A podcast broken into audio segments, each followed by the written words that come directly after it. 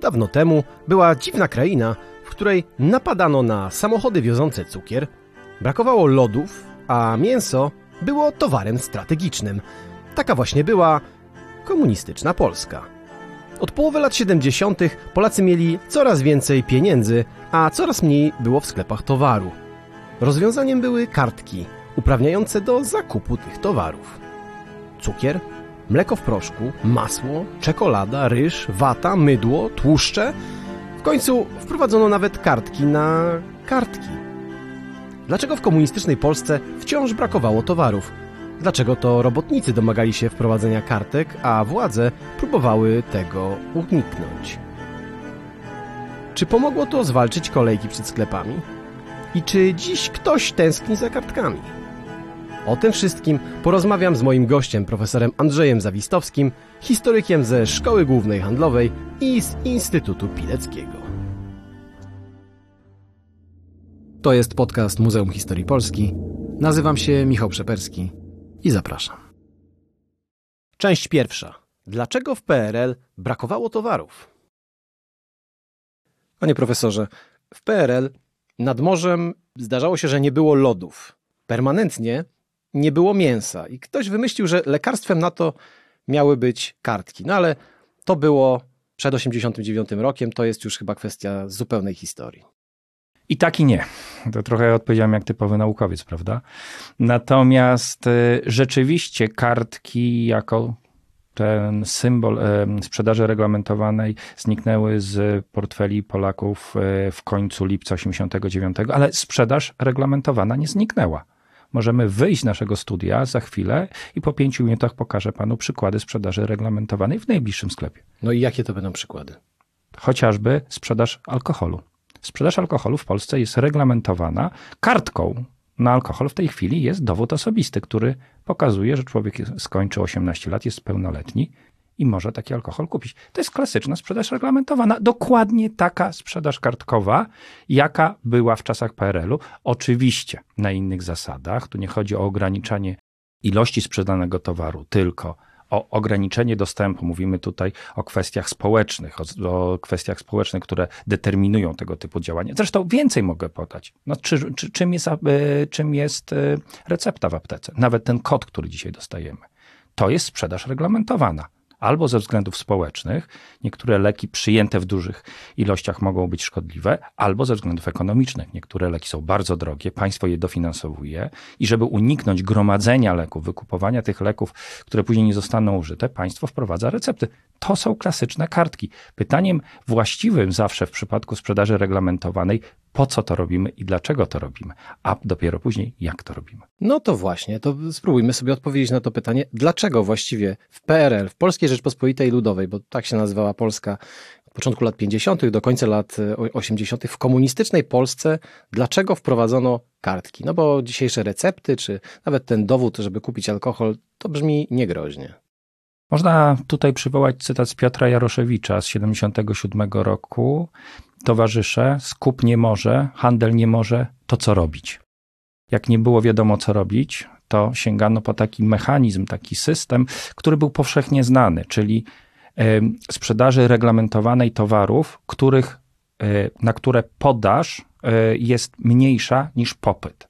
Ludzie chcą to kupować z różnych względów, to możemy o tym szerzej za chwilę powiedzieć, ale podaż tych artykułów jest na tyle niewielka, że w sklepach są pustki. I żeby udostępnić e, ludziom takie zaopatrzenie na bardzo minimalnym poziomie, e, wprowadza się racjonowanie. Takie racjonowanie może być albo wprowadzane doraźnie i to jest racjonowanie, które na pewno każdy z nas kiedyś spotkał, nawet w dzisiejszych czasach, że na przykład określa się, że jedna osoba może kupić 2 kg cukru. Kilka lat temu była taka panika cukrowa i niektóre sklepy ograniczały, jedna osoba może kupić 2 e, kg cukru. Oczywiście taka osoba szła do drugiego sklepu, kupowała następne 2 kg cukru i tak dalej, i tak dalej. Albo, to, jest, to było doraźna, doraźne racjonowanie, albo racjonowanie urzędowe, czyli właśnie reglamentacja najczęściej kartkowa, chociaż niekoniecznie ona musi być kartkowa. Jeżeli Państwo pojedziecie dzisiaj na Kubę, to tam Kubańczycy mają do dzisiaj racjonowanie, tylko nie mają karty, tylko książeczki, w którym sklepowa od od, robi notatkę, co, co kto kiedy kupił i w ten sposób to jest, taki, to jest taki dowód osobisty do zakupów w sklepie. Więc tego typu mechanizmy są naturalne, tylko one są naturalne w czasie wojny. Bo wówczas przecież yy, władza musi zrobić dwie rzeczy tak naprawdę. Po pierwsze, zapewnić spokój społeczny i yy, zaopatrzenie na minimalnym poziomie.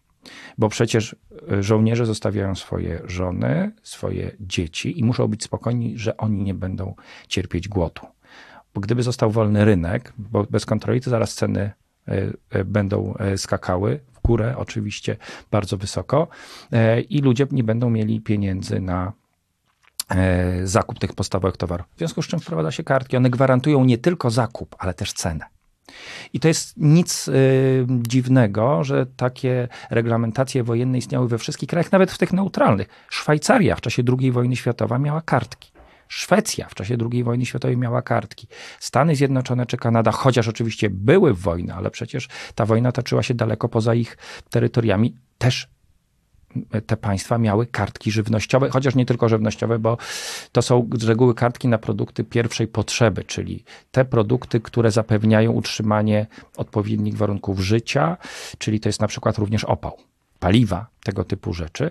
I to jest coś naturalnego. Natomiast nienaturalne, i to jest przykład PRL-u, jest to, że kartki pojawiają się w momencie, kiedy nie mamy zagrożenia wojennego, nie mamy żadnych problemów związanych z katastrofami naturalnymi, nie mamy problemów z mm, e, rynkiem rolniczym, jeżeli chodzi o załamanie ze względu na jakiś kataklizm, powódź, trzęsienie ziemi czy coś takiego. Nagle w środku Europy kilkadziesiąt lat po zakończeniu wojny, mówimy to o roku 76, chociaż to nie jest pierwszy moment, kiedy się kartki pojawiają, ale nagle w 76 roku rząd wspomnianego premiera Jaroszewicza wprowadza kartki na cukier. A później to się potoczyło. No właśnie, ale to mamy do czynienia z taką y, sytuacją jakiegoś permanentnego kryzysu, w którym się znajduje ta gospodarka komunistyczna. Mówiło się przecież, że cztery klęski polskiego rolnictwa to wiosna, lato, jesień i zima. I oczywiście tego rodzaju bardziej lub mniej śmiesznych żartów pojawiało się więcej. Co było tak permanentnie niedobrego z tą gospodarką socjalistyczną, że no właśnie, że doszło do takich rozwiązań? Gospodarka socjalistyczna no, przez Korneja nazwana gospodarką niedoboru w swoim założeniu już y, miała podstawowe błędy, które nie uwzględniały owego podstawowych praw ekonomicznych, prawa podaży i prawa popytu. Państwo przyjęło na siebie regulację rynku, łącznie z wyznaczaniem to, kto, co, za ile, kiedy i dla kogo wyprodukuje. Nawet ceny były ustalone, oj, tu niedaleko, na Placu Trzech Krzyży. W Warszawie, w Urzędzie Planowania, on różne nazwy miał w różnych okresach PRL-u ale tam ustalano ceny, co ile kosztuje i, i to były czasami absurdy. To nawet na posiedzeniach biura politycznego czy rządu z tego się śmiano, że nagle znika ze sklepów dżem truskawkowy w latach 80., w 84. Nagle zniknął dżem truskawkowy. Dlaczego? No właśnie wszyscy się zastanawiali, zwłaszcza, że Polacy, jeżeli chodzi o zakup tego typu przetworów, to raczej byli ostrożni. Robili swoje, bo mieli dosyć sceptyczne, sceptyczne podejście do jakości tego, co im sprzedawano, a nagle dżem zniknął. Że jakość się poprawiła. Mm, nie, powód był troszeczkę bardziej prozaiczny, mianowicie brak pustych słoików na rynku właśnie do przetworów. Ale nawet jeżeli się pusty słoik pojawiał, on był droższy niż słoik dżemu. Ludzie kupowali dżem, wyrzucali go i mieli bardzo dobry słoik z przykrywką. To było i tańsze rozwiązanie, i praktyczniejsze, bo tych pustych opakowań szklanych na rynku nie było. A było to o tyle opłacalne, że słoik dżemu w sklepie kosztował mniej więcej 40% kosztów jego wytworzenia. Ale jak to było możliwe? To była gospodarka socjalistyczna. Przecież zakład pracy produkował coś na zamówienie i nie miało znaczenia, czy to są figurki małego, małego księcia z książki, czy, czy gąski balbinki, i czy one się sprzedają, czy nie, bo pensje robotnikom y, wypłacało państwo. Nie było przepływu tego, to sprzedaliśmy, to dobrze zarabiamy, nie sprzedaliśmy, bankrutujemy. Nawet w 80 latach, kiedy weszła reforma gospodarcza, kiedy zagwarantowano, że przedsiębiorstwo także państwowe może zbankrutować, jeżeli będzie nierentowne, to też nie zadziałało. To dalej w ten sposób funkcjonowało, że czymś innym był rynek, a czymś innym była produkcja. I to było w zupełnym oddzieleniu od siebie. I przecież to jest źródło tego, tych wydarzeń, które wszyscy znamy. No bo przecież źródło grudnia 70, czerwca 76, sierpnia 80 to jest źródło e, podwyżki cen. Czyli mówimy o ogromnych buntach społecznych. Ogromnych buntach społecznych, bo podwyżka cen, mówimy to o chlebie, kiełbasie, mamy na myśli masło, mleko i tak dalej, to była decyzja polityczna. Zresztą sam jej system ogłaszania był dosyć specyficzny, bo aż do lat 80. Y, ludzie starali się patrzeć, co się dzieje, bo podwyżki były ogłaszane zawsze w sobotę wieczorem, po to, żeby sklepy już były zamknięte. W niedzielę nie było handlu, w związku z czym y, następował renament. W poniedziałek były nowe ceny. To była decyzja polityczna, nie mająca nic wspólnego z czymś, co jest naturalne, to znaczy z, z kosztami produkcji, które należy sobie zrekompensować, żeby produkcja była opłacalna. No bo co to za produkcja, skoro słoik dżemu sprzedajemy za 40%, a kto nam dopłaci 60%? Czyli Państwo. Czyli mam rozumieć, że ta nieopłacalność produkcji była jednym z czynników, który powodował braki na rynku? Tak, tak, braki na rynku, bo to, że w gospodarce rynkowej jakiś towar w sklepie jest albo go nie ma. Ja też abstrahuję o tym, jak się kształtuje cena, no bo to byśmy musieli wejść w taki mm, e, cały model tego, jak, jak, jak kształtowana jest cena, czym jest reklama. Generalnie, znowu będę odwoływał się do Korneja trochę, jeżeli mamy rynek, to mamy pewnego rodzaju aukcję. Sprzedawca czy producent chce coś sprzedać, klient chce coś kupić. Jest jakaś cena, w której sprzedawca jest gotowy sprzedać, niżej nie, i jest jakaś cena, w której klient chce kupić, wyżej nie. Muszą się gdzieś spotkać. I jeżeli jest zapotrzebowanie, no to znajdzie się producent, który będzie chciał wejść na ten rynek. W gospodarce socjalistycznej nie mamy prywatnego sektora, a właściwie mamy tylko ograniczone do jednego, to znaczy rolnictwo. Mam, zapominamy, że w PRL mamy prywatne rolnictwo, bo przecież kolektywizacja się nie udała, ale cała reszta jest państwowa i władza musi zdecydować, czy budujemy hutę, czy budujemy masarnię i produkujemy mięso. Pieniądze idą albo tu, albo tu, albo więcej tu, albo mniej tutaj. I tylko dlatego, że istniał ten duży rynek prywatnego rolnictwa, mieliśmy oczywiście czarny rynek mięsa, który uzupełniał te braki w sklepach. Natomiast mm, nasilenie tych braków były również związane z pewną polityką, jeżeli chodzi o wynagrodzenia. Znowu, nie było tej, tego połączenia pomiędzy wynagrodzeniami a cenami w sklepach. Dzisiaj wiemy, że jak więcej pieniądza pojawia się na rynku, to zaraz rośnie cena, ma, pojawia nam się po prostu klasyczna inflacja. No bo mamy więcej pieniądza, ludzie więcej kupują, sprzedawca widzi, o, są klienci, to mogę sobie podnieść, bo nie, nie będę ryzykował, że ktoś tego nie kupi. Natomiast y, w gospodarce socjalistycznej ceny nie rosły, bo były właśnie decyzją polityczną. W związku z czym ludzie mieli coraz więcej pieniędzy. Towarów w sklepach było mniej, trochę więcej, ale nie tyle, żeby, żeby zaspokoić rosnący popyt i co ważne, aspiracje. No bo przecież ludzie chcieli spełniać te swoje aspiracje. Miało już być bogato, dostatnie, e, mieli dostawać mieszkania, mieli dos- e, móc kupić sobie to wszystko, co w tych mieszkaniach się powinno znaleźć, pralka, lodówka i tak dalej. Wreszcie mieli jadać często mięso. A takim najbardziej e, oczywistym mm, wyznacznikiem e, dobrobytu to jest to, jak często na stole pojawi się mięso. No i to wszystko powodowało, że nie było zainteresowania, no bo to był plan, żeby tego towaru na, na rynku było więcej. No bo to też, proszę zauważyć jedną rzecz absurdalną. Zwiększenie produkcji dżemu truskawkowego, będę wracał do niego, powoduje powiększanie się strat w gospodarce, bo to jest 40%. Albo robimy ceny równowagi, jak to wówczas nazywano, czyli y, koszty produkcji i cena, albo y, dopłacamy.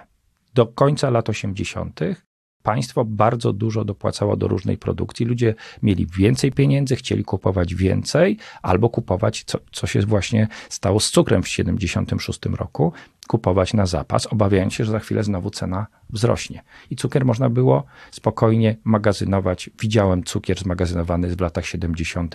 Po 30-40 latach, jak każdy historyk, musiałem oczywiście sprawdzić, czy jest słodki. Państwo mnie słyszycie, to znaczy, że też nie jest trujący. To niezwykłe, ale o tych rzeczach szczegółowo zdążymy jeszcze sobie powiedzieć. Na, na koniec tej części muszę zapytać jeszcze o jedną rzecz. Polska była jednak wyjątkowa. W latach 70. i 80. liczba kartek była ogromna. W innych krajach socjalistycznych, chociaż tam też panowały dosyć księżycowe z punktu widzenia gospodarki rynkowej zasady, y, tych kartek nie było. Dlaczego, dlaczego państwu socjalistycznemu zależało na wprowadzeniu tych kartek. A może nie zależało, tylko tak po prostu wyszło. To jest masę wątków i nies, nie, niesamowicie ciekawych. Po pierwsze, w różnych państwach socjalistycznych w różnych okresie też kartki były. E, w NRD na przykład kartki opałowe w latach 60. dalej funkcjonowały. W Polsce zresztą też węgiel był na kartki, a o węglu nie mówiłem, no bo trochę to z boku, nie wszystkich to, było, to był obiekt zainteresowania. W, latach 80. kartki masowo się pojawiają w różnych krajach socjalistycznych, no przede wszystkim w Związku Sowieckim, w latach 80., 90. Tam jest wysyp. Natomiast e, czy państwu e, zależało na kartkach? I znowu powiem coś, czego bardzo nie lubię mówić, i tak i nie. Po 76 roku, my mówimy o tym ostatnim okresie, kartki w Polsce Ludowej, nie tylko w PRL, ale w Polsce Ludowej były do 50, do 49, później krótki epizod 51-53 i ten najdłuższy epizod to jest 76-89. I tu się skupiamy, bo chyba najwięcej osób pamięta ten, ten okres i myślę, że w domu gdzieś Państwo macie jeszcze kartki. Stawiam, że najczęściej są to kartki z sierpnia 89, a dlaczego z sierpnia 89, to zaraz sobie o tym pewnie powiemy. Ale wracając do tej, do, do tej historii, komu zależało? W 76 roku zależało na tym państwu z dwóch powodów. Po pierwsze, żeby uspokoić nastroje społeczne. Ludzie w lipcu i sierpniu stali w olbrzymich kolejkach, chcąc kupić wiele rzeczy, ale cukier był tym najważniejszym towarem, dlatego że po pierwsze cukier bardzo łatwo się prze przechowuje. Wystarczy, żeby było sucho i tak dalej. Zresztą on też był tak swego rodzaju walutą wymienną. Za cukier można było sobie coś od kogoś innego dostać, ale to też przetwory, o których mówimy. Ludzie masowo do dzisiaj przecież, a wówczas dużo, dużo więcej osób robiło latem i jesienią przetwory. Potrzebny był cukier. Potrzebny... Cukier jest potrzebny jeszcze do czego innego. Do tego też dojdziemy, a właściwie dopłyniemy. Jeszcze są, są jeszcze wypieki niedzielne, świąteczne. Wcześniej kupujemy cukier, to po pierwsze go mamy, a możemy go nie mieć, a po drugie, no kupiliśmy go taniej. No i oczywiście, dobrze, że pan wspomniał, no bo to oczywiście też jest kwestia alkoholu, czyli bimbrownictwo. W 1976 roku władza próbowała podnieść ceny, później się z tego wycofała, oficjalnie zawiesiła te podwyżki cen, natomiast alko podwyżka alkoholu została. I nagle okazało się, że cukier za 10,50 bardzo łatwo, znając przynajmniej minimalnie historię polskiej wojskowości czasów średniowiecza i datę bitwy pod Grunwaldem, bardzo łatwo ten cukier zamienić mm, w formę płynną. No, przy okazji procentową. A proszę pamiętać, że ceny wódki, alkoholu mocnego, a taki był przede wszystkim preferowany w czasach PRL-u, to też zupełnie oddzielny, bardzo ciekawy temat, e, mm, były bardzo wysokie. To było kilkanaście, za taką średnią pensję można było kupić kilkanaście raptem butelek wódki. To była, no, te, te, te, te ceny były rzeczywiście znaczące. Więc wyprodukowanie bimbru jak gdyby dawało realne oszczędności w domowym budżecie, jakby to źle nie zabrzmiało. I władze wprowadziły kartki na cukier właśnie z dwóch powodów, aby uspokoić te nastroje społeczne. Przecież to, co się działo na ulicach, to przechodzi dzisiaj ludzkie pojęcie. Napady na samochody wiążące cukier. Ludzie potrafili zatrzymać samochód, który jechał z cukrem i rozebrać, zostawiając pieniądze tym, tym, temu kierowcy i temu konwojentowi i rozebrać cukier. Czasami samochód z cukrem wyjeżdżał i dojeżdżał do sklepu tylko z pieniędzmi, bo konwojent z kierowcą jechali i sprzedawali go gdzieś na bazarze i tylko przywozili. W sklepie dochodziło do powstawania komitetów kolejkowych. Władza się bardzo tego bała. Nagle powstaje coś zupełnie od nich niezależnego i przejmowania kontroli nad sklepami nie wyrzucania personelu. Nie. Komitet kolejkowy przejmował kierownictwo, nadzorował pracę sprzedawców, przyjmowanie towarów. Dochodziło do tego, że złam, połamano kończyny w kolejkach ludziom. I ja takich przykładów mogę mnożyć, co się dzieje na przykład. Jakiś kolejkowy bolszewizm. Też, też, albo samorządność, albo samorządność, tak? No, myślę, że bardziej samorządność, bo tu nie chodziło o dyktaturę, tylko chodziło o samoorganizację społeczeństwa i tego się władze bały. Zresztą władze bardzo się tego bały nie tylko w 76, ale na przykład w 51 kartki zostały wprowadzone mniej więcej z tego samego powodu. To znaczy ludzie przestraszyli się, przynajmniej ludzie, e, w sensie ludzie przed sklepami, tylko ci ludzie, którzy rządzili, e, przestraszyli się tego i samoorganizacji. Więc w 76 roku to jest e, reakcja na to, co się dzieje i powiem tak, że to trzeba podkreślić, że to jest y, udany, mm, udana decyzja. Bo to są bardzo dobrze wprowadzone kartki. Kto ma kartkę, kupuje określoną ilość cukru za 10,50, a cała reszta kupuje za 26. Albo jeżeli ten, który chce mieć więcej, kupi za 26. Nie mamy czarnego rynku, bo czarny rynek musiał mieć, musiałby mieć niższą cenę, a jednocześnie przy 26 zł robienie alkoholu się przestaje opłacać. Część druga. Lekarstwo na chorą gospodarkę. Powiedzieliśmy sobie, że wprowadzenie kartek w 76 roku było sukcesem, e, no ale teraz skupmy się na całym tym okresie 76, 89 i wybierzmy się do tej bardzo dziwnej krainy, którą z perspektywy dzisiejszej jest e, ówczesna Polska. Skoro było tak dobrze i tak świetnie się udała cała ta operacja, to czemu pacjent, no może nie zmarł, ale z pewnością nie czuł się dobrze, bo te kartki z 76 roku jak się potem okazało, były pierwszymi, ale dalece nie ostatnimi, jakie wprowadzono w Polsce. E, bo pacjent doznał zawału serca i upadając złamał rękę. Bardzo łatwo mu tą rękę nastawiono i ręka zaczęła działać, ale serce ciągle było chore i to było dokładnie tak. To znaczy cukier się uspokoił i wtedy zaraz do władz piszą ludzie, świetnie, bo to jest to, o co chodziło. Nie ma chomikarzy, nie ma spekulantów, cukier jest, to teraz czas na mięso. No i dlaczego władza tego nie robi? To naturalne. No dlaczego władza tego nie robi? Bardzo, bo mięso jest towarem strategicznym. Władza oczywiście oblicza, ile na statystycznego Polaka przypada kilogramów mięsa. Prawda? I nic e, łatwiejszego trzeba do Łomży, do Warszawy, do Gdyni, do Grudziądza dowieść odpowiednią ilość tego mięsa, tyle ile tam osób mieszka. Ale to jest za mało. I gdzie jest niebezpieczeństwo, jeżeli wybuchnie strajk z powodu braku mięsa większe? W Warszawie czy w Łomży? No, w, zawsze w większym mieście. Oczywiście, w związku z czym to jest mniej więcej taka różnica, że w takiej Łomży, Siedlcach, yy, yy, Suwałkach, tego typu mniejszych miejscowościach, yy, zwłaszcza w rejonach rolniczych, y, mniej więcej odnośnie tej średniej, to zaopatrzenie w mięsa jest na poziomie 40 parę do 50%. W Warszawie jest to około 150%. Władza dostawami mięsa żongluje po prostu. Oczywiście są uboczne skutki tego, bo mamy turystykę zakupową. Ludzie jadą do wielkich miast i, i tu kupują, bo tu jest lepsze zaopatrzenie, ale mimo to per saldo to się opłaca. Lepiej utrzymać spokój w Gdańsku, we Wrocławiu czy w Warszawie, a w Łomży ludzie sobie poradzą. Mają rodziny na, najczęściej na wsiach, a jak nie, to każdy ma znajomego i y, tam będzie mógł sobie tego świniaka kupić i przywieźć, i przywieźć do siebie. Natomiast ludzie domagają się kartek na to, dlaczego nie ma. No i dlatego przecież najpierw na Lubelszczyźnie, a później w Gdańsku, Szczecinie pojawiają się wśród postulatów strajkujących pojawiają się żądania wprowadzania kartek na mięso. I to jest rok 1980. To jest lipiec, sierpień roku 1980 i my mówiliśmy przed chwilą, że kto chciał kartek, czy władza, czy społeczeństwo. No I to jest ten drugi etap. To, to społeczeństwo wprowadźcie kartki na mięso, a władza nie chce. Dlaczego? No, a wtedy każdy dostaje 2 kg mięsa, powiedzmy sobie symbolicznie. I nieważne, czy mieszka w Suwałkach, czy mieszka w Warszawie, e, czy mieszka w Wałbrzychu, te 2 kg mu się należą a tego mięsa realnie nie ma. Dlatego proszę zauważyć, niby prosty postulat, wprowadzić kartki na mięso. Podpisane postulaty są na przełomie sierpnia i września 1980 roku, a kartki na mięso zaczynają obowiązywać dopiero 1 kwietnia 1981 roku po licznych, bardzo licznych e, konfliktach, ustaleniach pomiędzy Solidarnością, związk innymi związkami zawodowymi, partią i rządem.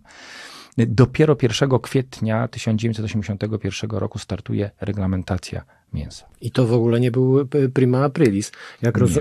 jak rozumiem. Chociaż po trochu można powiedzieć, bo ci, którzy poszli z kartkami 1 kwietnia do sklepów, to na tych kartkach mieli napisany 1 lutego. A to dlaczego? Dlatego, że władza pośpieszyła się z drukiem, była pewna, że Solidarność zaakceptuje pierwszą propozycję, wydrukowano kartki, a Solidarność powiedziała, że to są za małe przydziały i kartki leżały w magazynach i było pytanie, czy je zniszczyć, czy je wykorzystać. W związku z czym ogłoszono, że w kwietniu są kartki z lutego. W maju już było normalnie.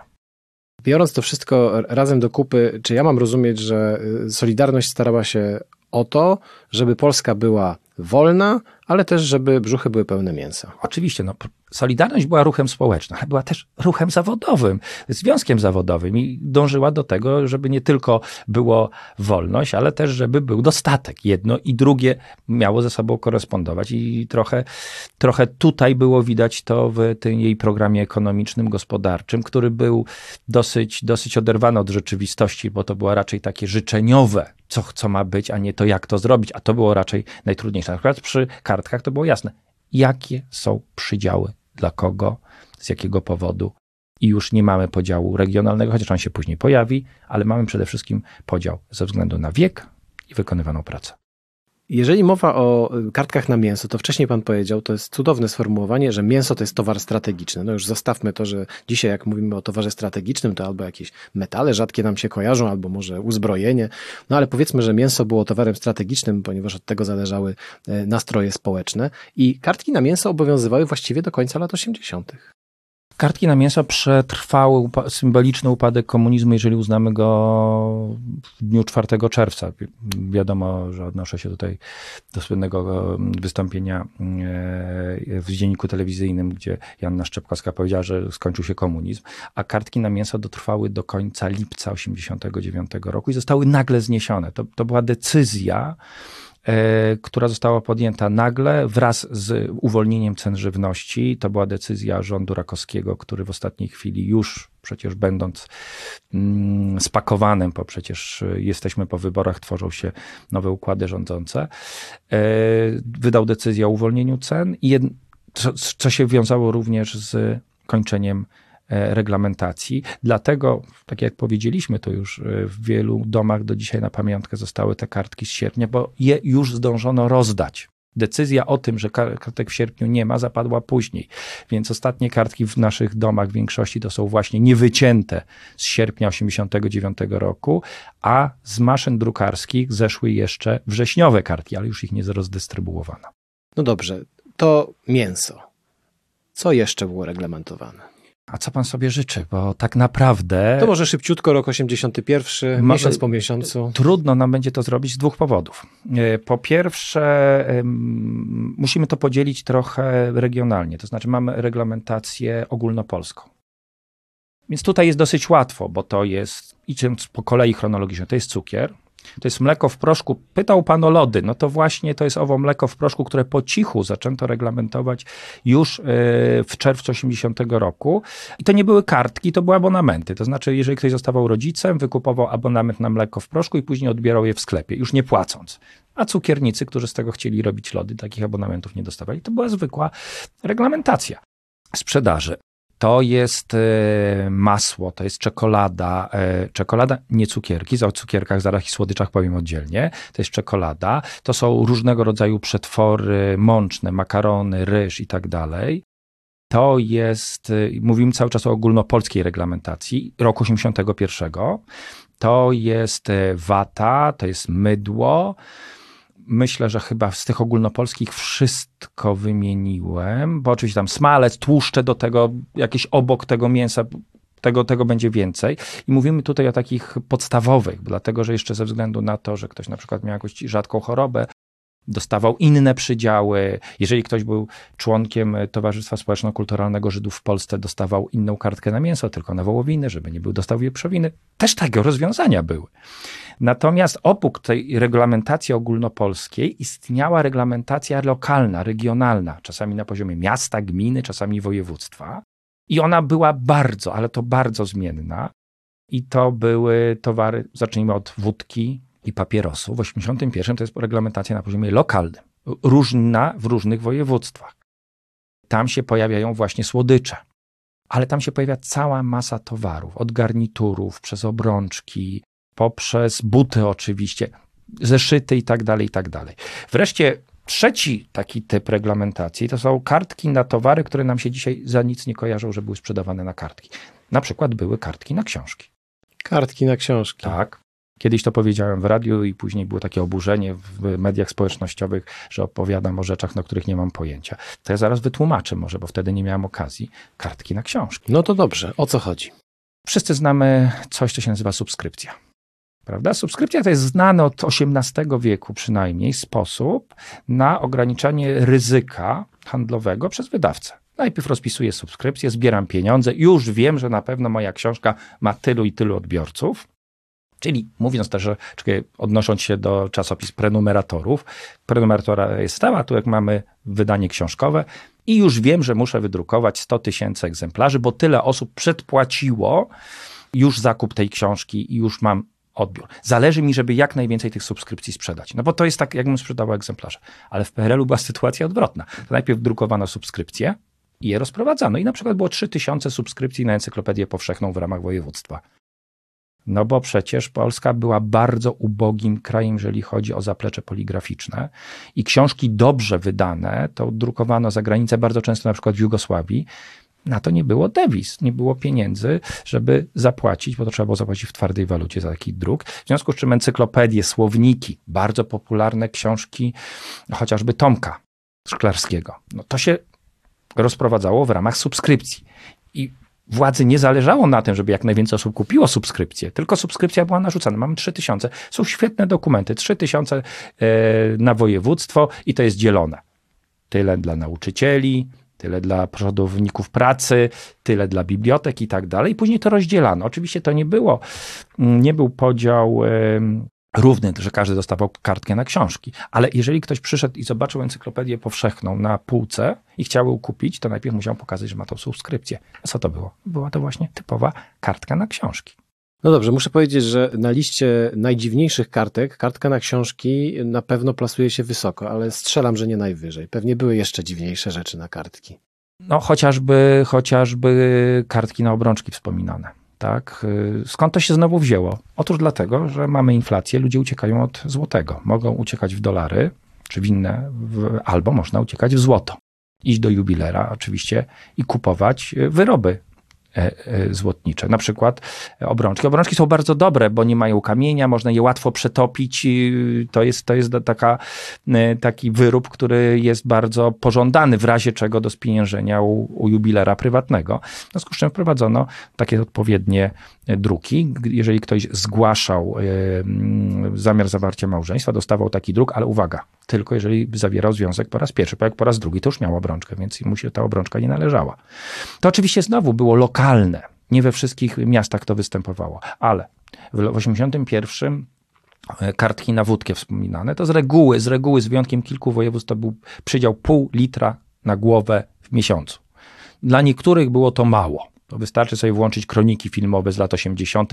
Tam są takie rozmowy, że, że to w ogóle, to ja do domu nie doniosę. Jest tam właśnie ten znamienny taki, cytat. Taki, ja do domu nie, do, nie doniosę, tak? No ale były też sposoby, żeby dostać więcej. Na przykład wspomniany wcześniej ślub uroczystości, mm, uroczystości rodzinne. Można było wnioskować o większy przydział.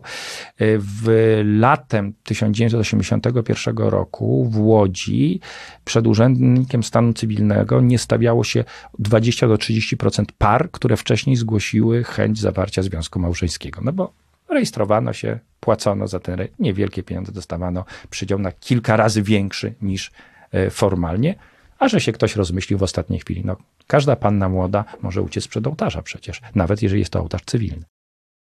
Mówimy e, o, o, roku 81, który jest bardzo specyficznym, bardzo wyjątkowym e, rokiem w historii Polski.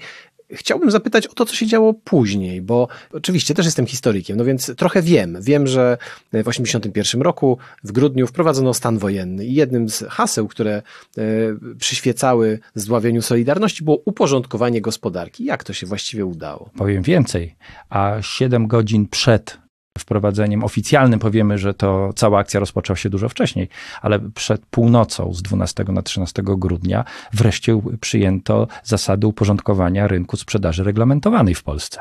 To jest dokładnie kilka godzin przed, tym, przed tą datą. Bo szczyt sprzedaży reglamentowanej w Polsce no nie jest 81, a 82. Bo po pierwsze uporządkowano system, niektóre reglamentacje przeniesiono z systemu lokalnego do systemu ogólnopolskiego, a jednocześnie system lokalny w 1982 roku był likwidowany, bo uważano, że no nad nim nie ma żadnej, żadnej kontroli. Zresztą bądźmy szczerzy, to była trapa.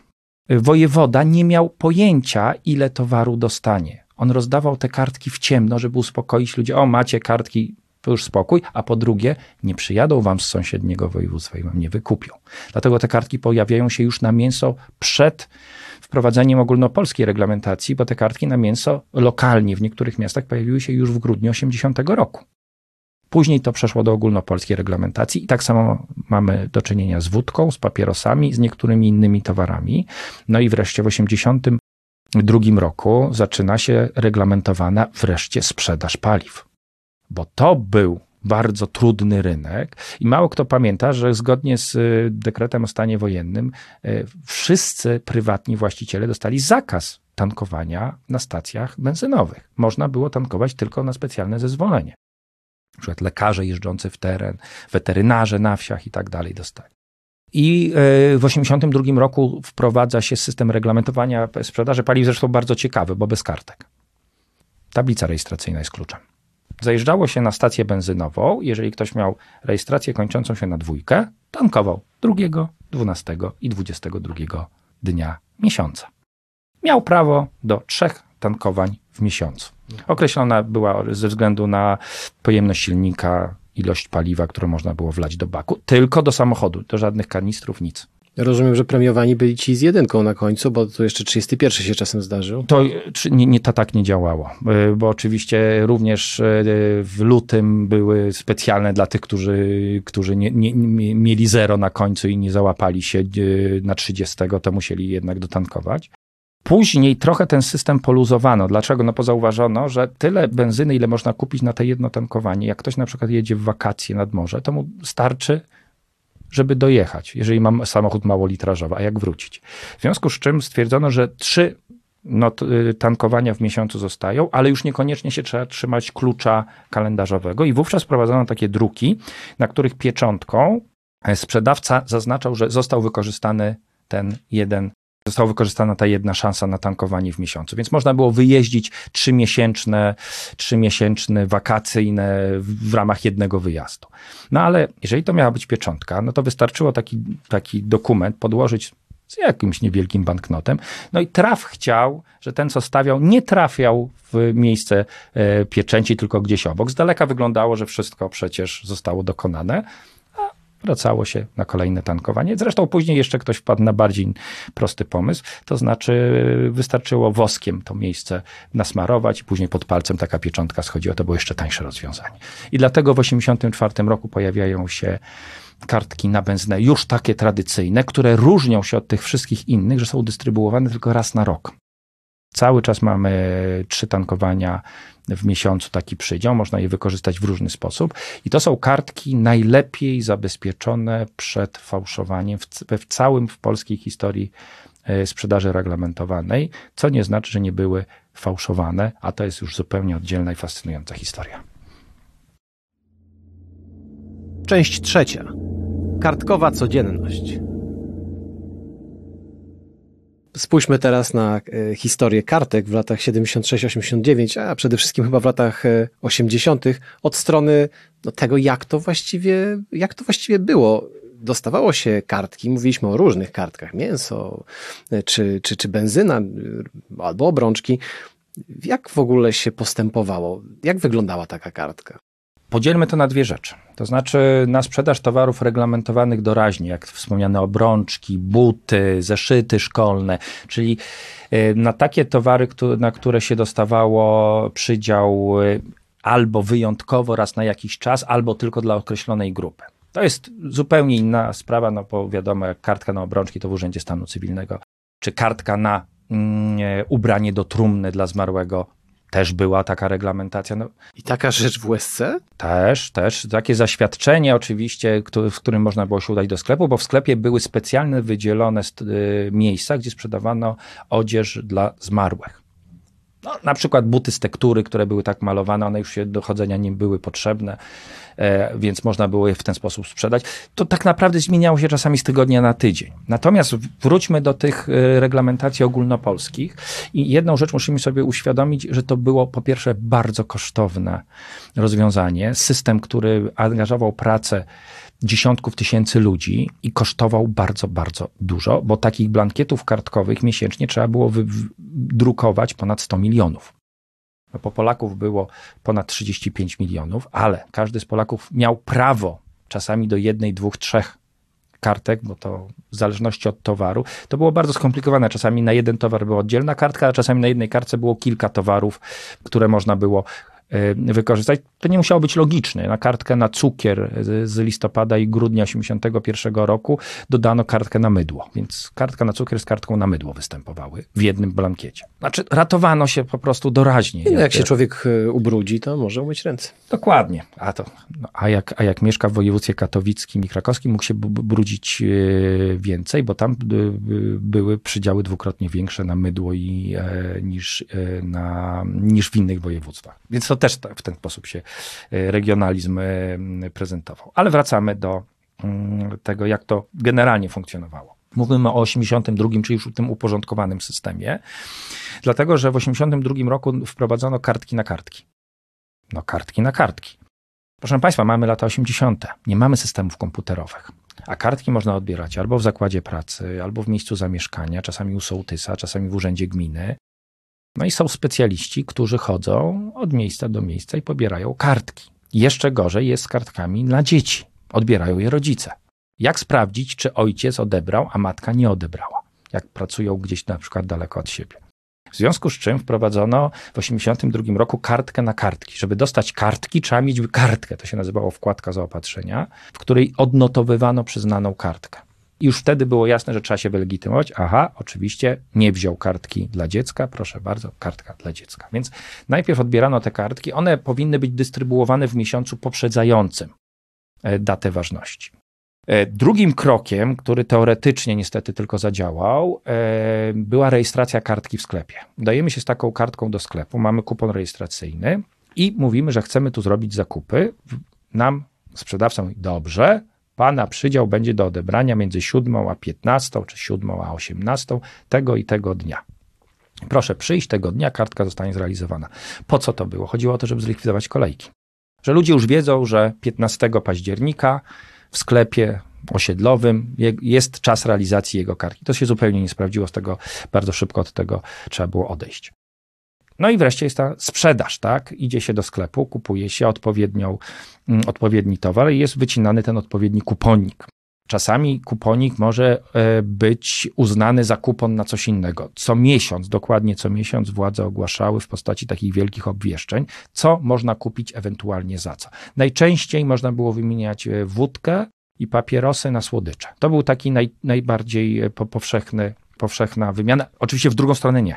Tak? Tylko chodziło o to, żeby ludzi zniechęcać, bo ludzie kupowali tą wódkę nawet jej nie konsumując, ale traktując to jako zabrzmi zupełnie groteskowo, ale jako lokatę kapitału, jako walutę zastępczą.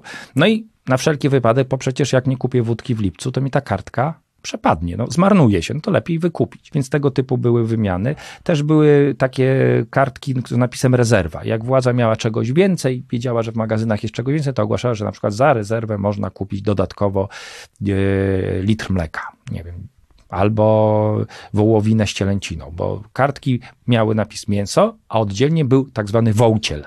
Wołciel, czyli wołowina z cielęciną, które wówczas nie cieszyły się dużą, dużą popularnością, w związku z czym ją w, w, oddzielano, żeby nie było tak, że ktoś e, będzie chciał dodatkową wieprzowinę. Więc wołciel był oddzielnie, cała reszta mięsa była oddzielnie i w ten sposób to robią. No ale teraz problem. Klient, jesteśmy klientem, kupiliśmy, jest Dzisiaj możemy sobie zrobić porządny obiad, możemy wrócić do domu. No, nasza droga się skończyła, ale droga naszej kartki się nie skończyła. Bo teraz jest problem tych, którzy pracują w sklepach. Otóż zamykają sklep i mają przed sobą setki, a czasami tysiące małych kuponików, z którymi muszą coś zrobić. Otóż musieli je naklejać na takie wielkie płachty, ręcznie oczywiście, bo nie było żadnej maszyny do tego, i zliczać. Na tych płachtach miało być napisane ile, na tych kartek jest, jakich kartek, bo jednego typu, podpisać się i to wszystko szło wyżej jako kontrola. Jeżeli by ktoś myślał, że gdzieś na punkcie centralnym zestawiano liczbę kartek e, i sprzedaży towarów, to się myli. Nigdy tego nie robiono. To była raczej kontrola sprzedawcy, czy by nie sprzedał, nie sprzedał za dużo. No i też jakiś sposób na wyłapywanie fałszywek. Natomiast 82 y, to jest olbrzymia praca e, tysięcy ludzi, którzy musieli te kartki przygotowywać. Brakowało maszyn. Jak Państwo popatrzycie na kartki z lat 80., to tylko kartki na wódkę i na kartki na mięso są numerowane, bo się rozsypały numeratory. Numeratory kupowano w 82 roku za zysk Peweksu na zachodzie. Te wszystkie y, dolary i inne waluty zachodnie przeznaczono, żeby kupić numeratory do budowania, znaczy do drukowania kartek. Więc nigdzie tego już później nie zestawiano i trzeba było już uruchamiać kolejną, kolejną produkcję na kolejny miesiąc, żeby te kartki rozdystrybuować. To był olbrzymi, olbrzymi e, system, e, który kosztował bardzo, bardzo duże pieniądze. No dobra, ale rozumiem, że jak w każdym systemie na pewno były rozmaite szczeliny albo e, boczne czy tylne wejścia. Można było pewnie takie kartki podrobić. Można było też je, nie wiem, czy można było je legalnie sprzedać? Nie. Legalnie sprzedać nie można było, bo kartki były imienne.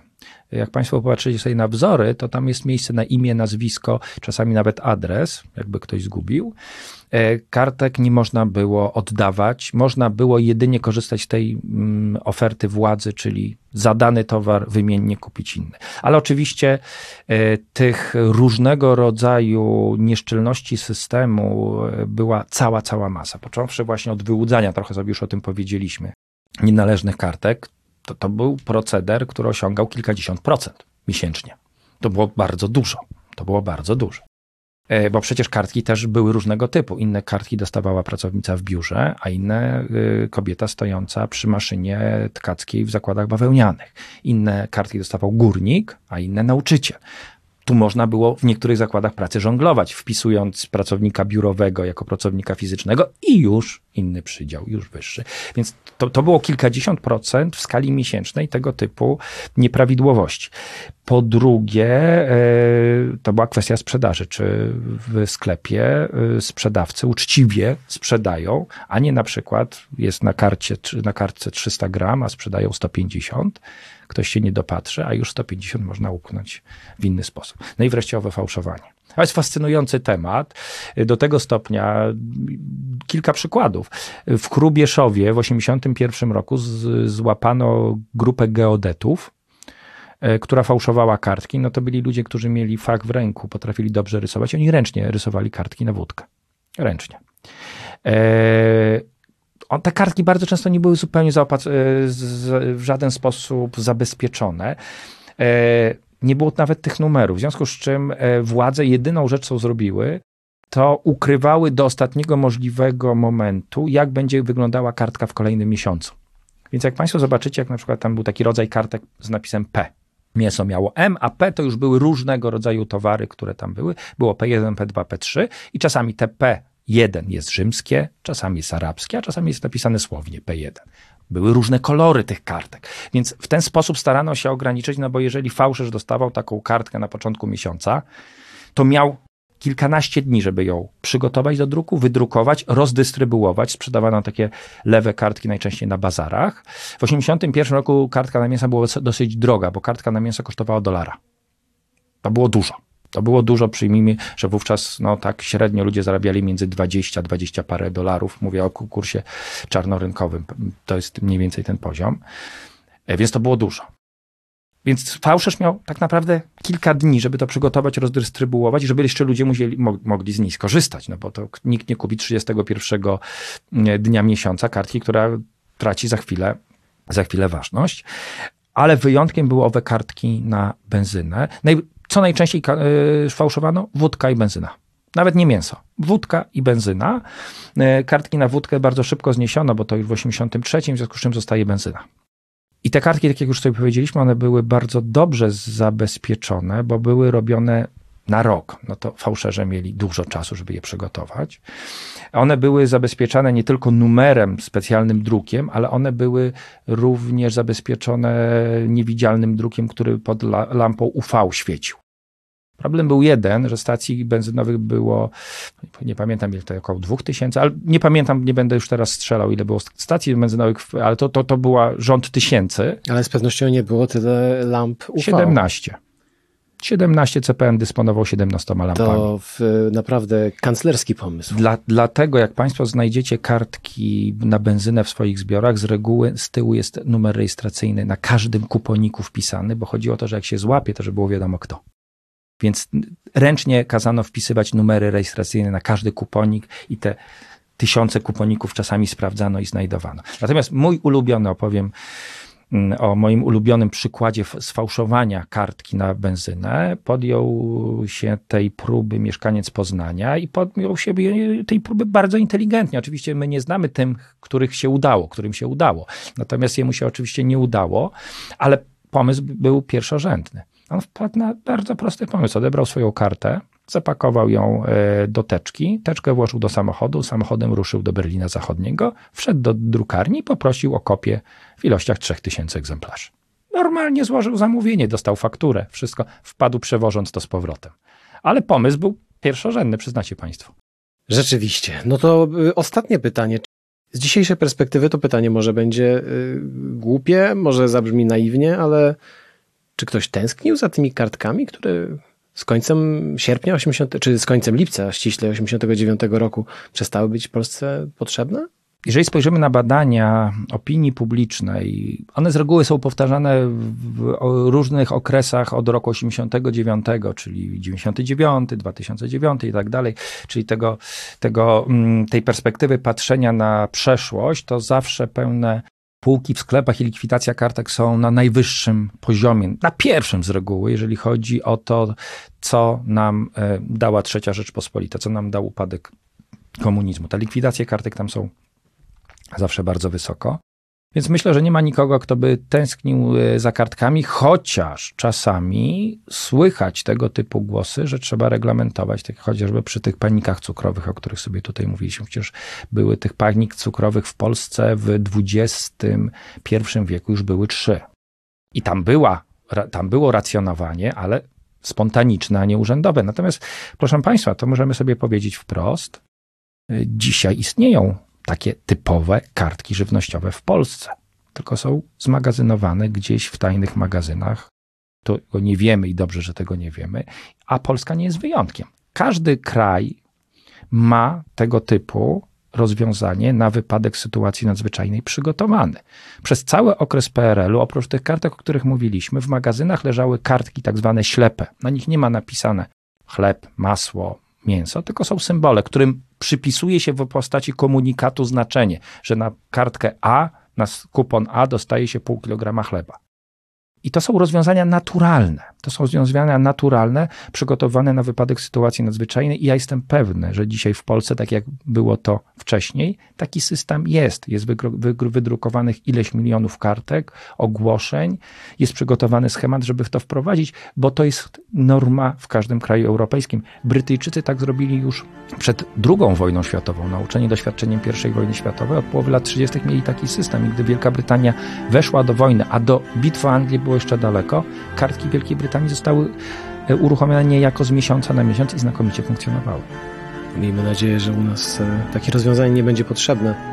Miałem przyjemność rozmawiać z profesorem Andrzejem Zawistowskim, historykiem e, ze Szkoły Głównej Handlowej i z Instytutu Piteckiego. Bardzo dziękuję. Dziękuję bardzo. Podcastów Muzeum Historii Polski wysłuchasz na YouTube, Spotify, Google Podcast, w Audiotece, a także na innych platformach podcastowych. Chcesz być na bieżąco? Subskrybuj kanał Muzeum Historii Polski.